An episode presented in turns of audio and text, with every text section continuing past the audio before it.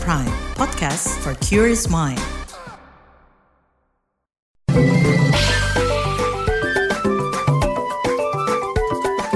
What's up Indonesia?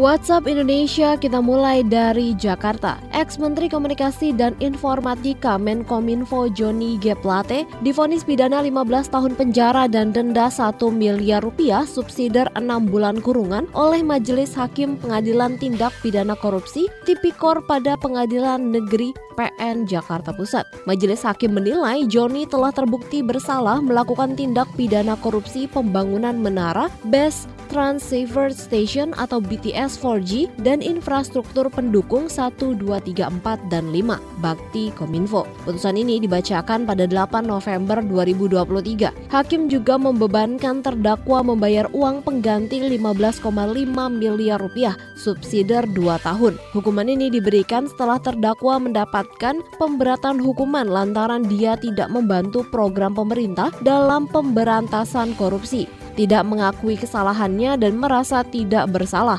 Atas vonis ini, Joni langsung menyatakan banding.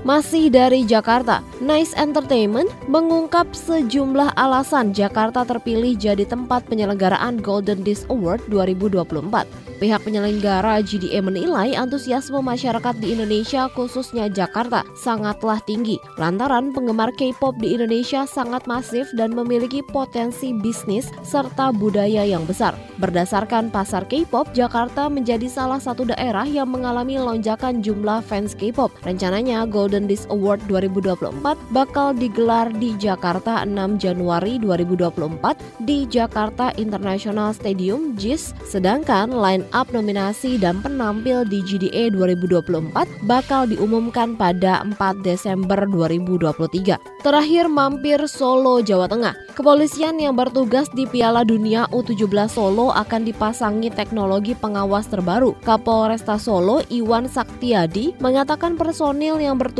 bakal dipasangkan teknologi kamera terhubung data kriminalitas. Menurut Iwan, adanya teknologi ini mengantisipasi gangguan keamanan selama Piala Dunia Dunia U17. Lebih lanjut, Iwan menjelaskan gelar Piala Dunia U17 menjadi pertarungan reputasi. Tuan rumah termasuk aparat keamanan. Tim peserta Piala Dunia U17 Imbu Iwan adalah tamu negara. Polisi menyiapkan ratusan personel menjaga pengamanan dari kedatangan tim di bandara, hotel, lapangan latihan, jalur lalu lintas hingga venue utama pertandingan di Stadion Manahan. Demikian WhatsApp Indonesia hari ini.